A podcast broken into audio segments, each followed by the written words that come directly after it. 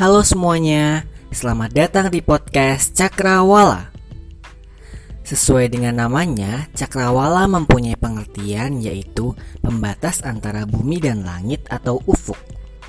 Berangkat dari pengertian itu, maka podcast ini dibuat dengan nama Cakrawala dengan tujuan untuk melihat dua dimensi berbeda dalam realitas sosial yang ada di sekeliling kita. Podcast ini dibuat agar cakrawala kita menjadi luas dan terbuka memandang perbedaan-perbedaan yang ada di antara kita. Hmm, sekilas bahasan yang akan kita bahas terlalu serius ya. Tapi tenang, konten yang akan kita buat akan dikemas dengan bahasa yang mudah dan pastinya akan ada banyak konten hiburan. Gimana? Keren kan?